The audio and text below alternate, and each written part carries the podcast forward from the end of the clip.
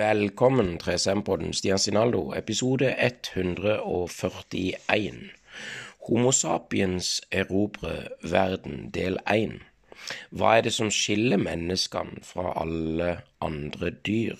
Hvordan klarte vår art å erobre verden? Og er Homo sapiens en overordna livsform, eller bare en gemen bølle? Skal drikke litt vann og litt kaffe, setter vi i gang.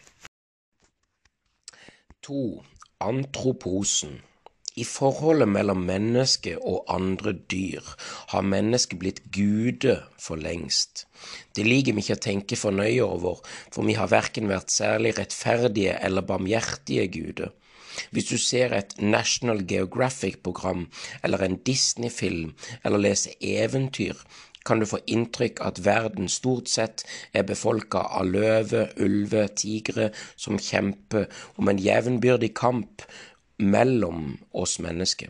Løvekongen Simba hersker over dyrene i skogen, lille Rødhette prøver å unngå den store, stygge ulven, og lille Mowgli konfronterer modige tigeren Shere Khan.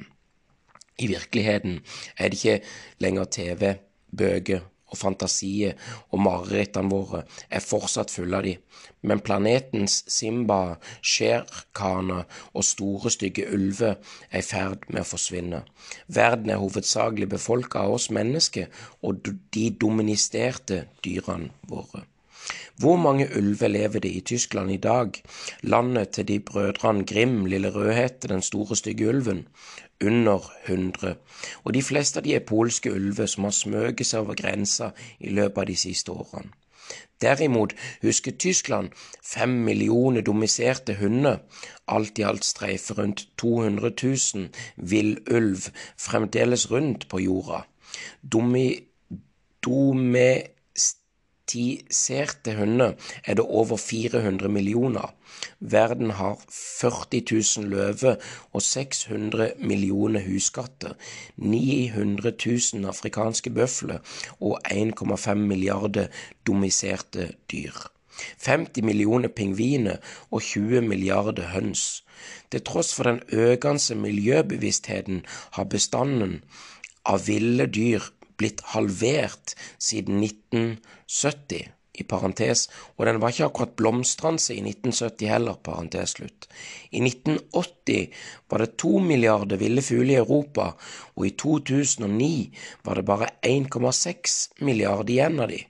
Samme år alte europeere opp 1,6 1,9 milliarder høns for å få kjøtt og egg. Nå består over 90% av de store dyrene i verden parentes dyr som veier mer enn noen få kilo, enten av menneske eller av dominiserte dyr. Forskere deler jordens historieperiode som pleitosen, pliocen og miocen. Offisielt lever vi i en holocen, men det passer muligens bedre å kalle de siste 70 000 årene antroposen-perioden. menneskehetens periode. I løpet av disse millenniene ble nemlig Homo sapiens den aller viktigste årsaken til globale miljøendringer. Noe slikt har aldri skjedd før. Siden livets opprinnelse for omtrent fire milliarder år siden har det aldri hendt at én en enkel art har endra den globale økologiske sammenhengen helt på egen hånd. Det har ikke skorta på økologisk revolusjon og masseutryddelse, men de ble ikke forårsaka av handlingene til én spesiell firfisle, flaggermus eller sopp. De ble forårsaka av mektige naturkrefter som klimaendringer, teknotoniske platebevegelser, vulkanutbrudd og asteroidekollisjoner. Noen frykter at vi nå en gang trues av massive vulkanutbrudd eller kolliderende asteroider. Hollywood-produsenter tjener milliarder på denne frykta. I virkeligheten er faren minimal. Masseutryddelse skjer bare med noen millioners års mellomrom. Ja, en stor asteroide kommer antagelig til å treffe jorda en eller annen gang i løpet av de neste 100 millioner årene, men det er meget lite sannsynlig at det vil skje neste tirsdag. Vi burde heller frykte oss sjøl enn å la oss skremme av asteroider. Homo sapiens har nemlig skrevet en spilleregel. Denne ene apearten har i løpet av 70 000 år klart å endre den globale økosystemet på radikale måter som er enestående i historien. Vår innflytelse er allerede på høyde med istider og tektoniske bevegelser. I løpet av 100 år kan aktivitetene våre ha overgått effekten av asteroidene som drepte dinosaurene for 65 millioner år siden. Den asteroiden endra kursen til evolusjonen på landjorda, men ikke de grunnleggende reglene som har ligget fast helt de første organismene dukka opp for fire milliarder år siden. I løpet av denne evigheten av tid utvikler du deg ifølge de uforanderlige prinsippene, den naturlige utvalgsprosessen, enten du var et virus eller en dinosaur. I tillegg var livsformene begrenset til det organiske sfæren, uansett hvor merkelige og bisarre uttrykk de hadde. Du besto av organiske forbindelser uansett om du var kaktus eller hval, og når menneskeheten redde til å erstatte det naturlige utvalget med intelligent design og til å utvide livsformene fra det organiske til det uorganiske sfæren, selv om vi legger disse fremtidsutsiktene til side og bare ser tilbake på de siste 70 000 årene, er det åpenbart at antroposen har endret verden på en helt ny måte. Asteroide, platetektonikk, klimaendringer har virket inn på organismer over hele verden, men innvirkningen har vært forskjellig fra sted til sted. Planeten vår har aldri bestått av et sammenknytta økosystem. Da tektoniske bevegelser føyde Nord-Amerika sammen med Sør-Amerika, førte det til at de fleste av de sørafrikanske pungdyrene ble utrydda, men det hadde ingen skadelige virkninger på den australske kenguruen. Da den siste istida nådde sitt høydepunkt for 20 000 år siden, måtte både manetet i Paris, eh, Persiabukta og Tokyobukta tilpasse seg det nye klimaet, men siden ikke det var noen kontakt mellom de to populasjonene, reagerte de på ulike måter og utvikla seg i forskjellige retninger. Sapiens derimot brøt barrierene som hadde skilt kloden i uavhengige økologiske soner. I antroposen ble jorda for første gang en enkelt økologisk enhet. Australia, Europa og Amerika hadde fortsatt ulike klima og topografier, men menneskene fikk organismer fra hele verden til å blande seg jevnlig unnskyld, uavhengig av avstander og geografi. Det som begynte med en annen trebåt, har utvikla seg til strøm av fly, oljetanker og svære lasteskip, som går på kryss og tvers over alle hav og knytter sammen alle øyer og kontinenter. Det betyr at økologien i f.eks. Australia ikke lenger kan forstås uten at vi også tar i betraktning europeiske pattedyr eller amerikanske mikroorganismer som oversvømmer den australske kysken og ørkenen. I dag er sauer, hvete, rotte, influensavirus menneskene har tatt med seg til Australia i løpet av de siste 300 årene, langt viktigere for den australske økologien enn kenguruene og koalaene som er hjemmehørende der.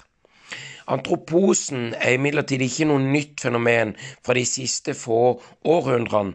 Allerede for flere ti titalls tusen år siden, da steinalderforfedrene våre bredte seg fra Øst-Afrika til alle fire, vid, fire verdenshjørner, endra de floraen og faunaen på alle kontinenter og øyer hvor de slo seg ned. De utrydda alle de andre menneskerasene i verden og 90% av de store dyrene i Australia.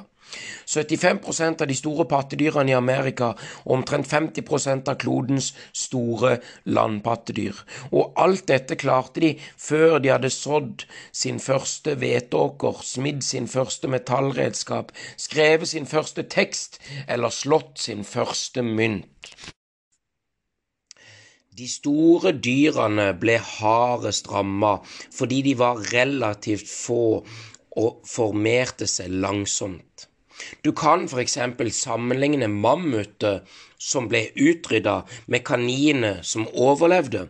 En mammutflokk besto ikke mer enn noen få enkeltindivider, og de fødte kanskje et par unge i året. Selv om lokale menneskestammer bare jakta tre mammut i året, ville det likevel være nok til at dødstallene ble høyere enn fødselstallene, og i løpet av noen få generasjoner forsvant mammutene. Kaniner derimot formerer seg som ja, kaniner. Selv om mennesket jakter flere hundre kaniner i året, ble det aldri nok til å utrydde de. Forfedrene våre hadde ikke planlagt å utrydde mammutene. De ante ikke hvilke konsekvenser handlingene deres ville få. Utryddelsen av mammut og andre store dyr skjedde muligens raskt i evolusjonær sammenheng, men etter menneskelig målestokk så skjedde det langsomt og gradvis. Menneskene levde ikke i mer enn 70 til 80 år, og utryddelsesprosessen tok noen hundre år og de gamle sapiene så neppe noen sammenheng mellom den årlige mammutjakten, der bare to eller tre mammuter ble drept, og de hårete kjempenes forsvinning. I beste fall kan en nostalgisk gamling ha fortalt noen skeptiske ungdommer at da jeg var ung, var det mye mer mammut der nå for tiden. Mastodonter og kjempestore elger også. Og selvsagt snakket stammehøvdingen alltid sant, og barn hadde respekt for de eldre. Ormeyngel Antropologiske og arkeologiske funn indikerer at de gamle jegerne og sankerne antagelig var animister. De trodde ikke på noe vesentlig skille mellom menneskene og andre dyr. Verten, verden, eller den lokale dalen og fjellene rundt, tilhørte alle som levde der, og fulgte de samme settene med reglene. Disse reglene innebar kontinuerlig forhandlinger mellom alle involverte parter. Folk snakka med dyr og trær og steiner, med alver, onde ånder og gjenferd. Og ut fra dette kommunikasjonsnettet vokste det fram verdier, normer, som gjaldt både mennesker, elefanter, eiketrær og spøkelser. De animanistiske verdenssynet er fremdeles rådende i noen jeger- og sankerfunn, som har opplevd i vår moderne tid, og et av de er naya-folket som lever i tropiske skogsområder i Sør-India Antropologien Dani Nave, som har studert Nayaka i mange år, forteller at når en Nayaka som går i jungelen, møter på et farlig dyr som en tiger, slange eller en elefant, så henvender han eller hun seg gjerne til dyret og sier, og jeg siterer, Du lever i skogen. Jeg lever også her i skogen. Du kom hit for å spise. Jeg kom hit for å sanke røtter og knoller. Jeg kom ikke for å skade deg. Sitat slutt. Ble en gang drept av en hannelefant som de kalte elefanten som alltid går alene. Nayakaene nekta å hjelpe representanter fra det indiske skogsvesenet med å fange ham. De forklarte navet at denne elefanten hadde et nært forhold til en annen hannelefant som hannelefant som hadde pleid å streife rundt. En dag fanga skogsvesenet den andre elefanten, og etter det hadde elefanten, som alltid går alene, blitt sint og voldelig.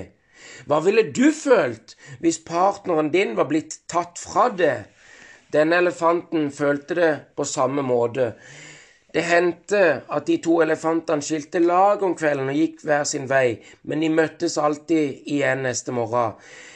Denne dagen så elefanten at vennen hans falt og ble liggende nede. Og hvis to alltid er sammen, og noen skyter den ene, hva føler den andre da? En animistisk holdning som dette kan virke fremmede for mange og industrialiserte mennesker. De fleste automat, de fleste av oss ser automatisk på dyr som helt annerledes og underlegne menneskene. Dette er fordi selv de eldste av tradisjonene våre kom til flere tusen år etter slutten av jeger- og sankerepoken. Det gamle testamentet ble f.eks. nedskrevet i det første tusenåret før Kristus, og de eldste historiene der gjenspeiler virkeligheten i det andre tusenåret før Kristus. I Midtøsten var jegerne og sankernes tidsalder slutt over 7000 år tidligere, og de eneste animanistiske fortellingene kommer helt i begynnelsen som en truende advarsel. Unnskyld. Bibelen er for lang og full av mirakler, underverk og gåter, men de eneste gangene et dyr innleder en samtale med et menneske, er da slangen frister Eva til å spise kunnskapens forbudne frukt. Parentes. Eselet til Biliam sier også noen ord, men hun formidler bare et budskap til Biliam fra Gud. Parentes slutt. I Edens hage lever Adam og Eva som sankere, og utrivelsen fra Edens hage har en slående likhet med jordbrukersrevolusjonen. I stedet for å la Adam fortsette med å sanke ville frukter, dømme en rasende gudam til å spise sitt brød med svett i ansiktet. Da er det kanskje ingen tilfeldighet at bibelske dyr bare snakker med mennesker før jordbrukerstiden. Hvilken lærdom trekker Bibelen av denne episoden? At du ikke bør høre på slanger, og at det er best å, unngå å snakke med dyr og planter, for det gir katastrofale resultater? Bibelhistorien har imidlertid dypere og eldre lag av mening. I de fleste semittiske språk betyr Eva slange, eller til og med hundslange.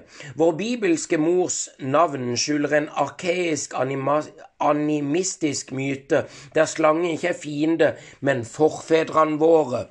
I mange animanistiske kulturer trodde man at menneskene stammer fra dyrene, også fra slange og andre reptiler.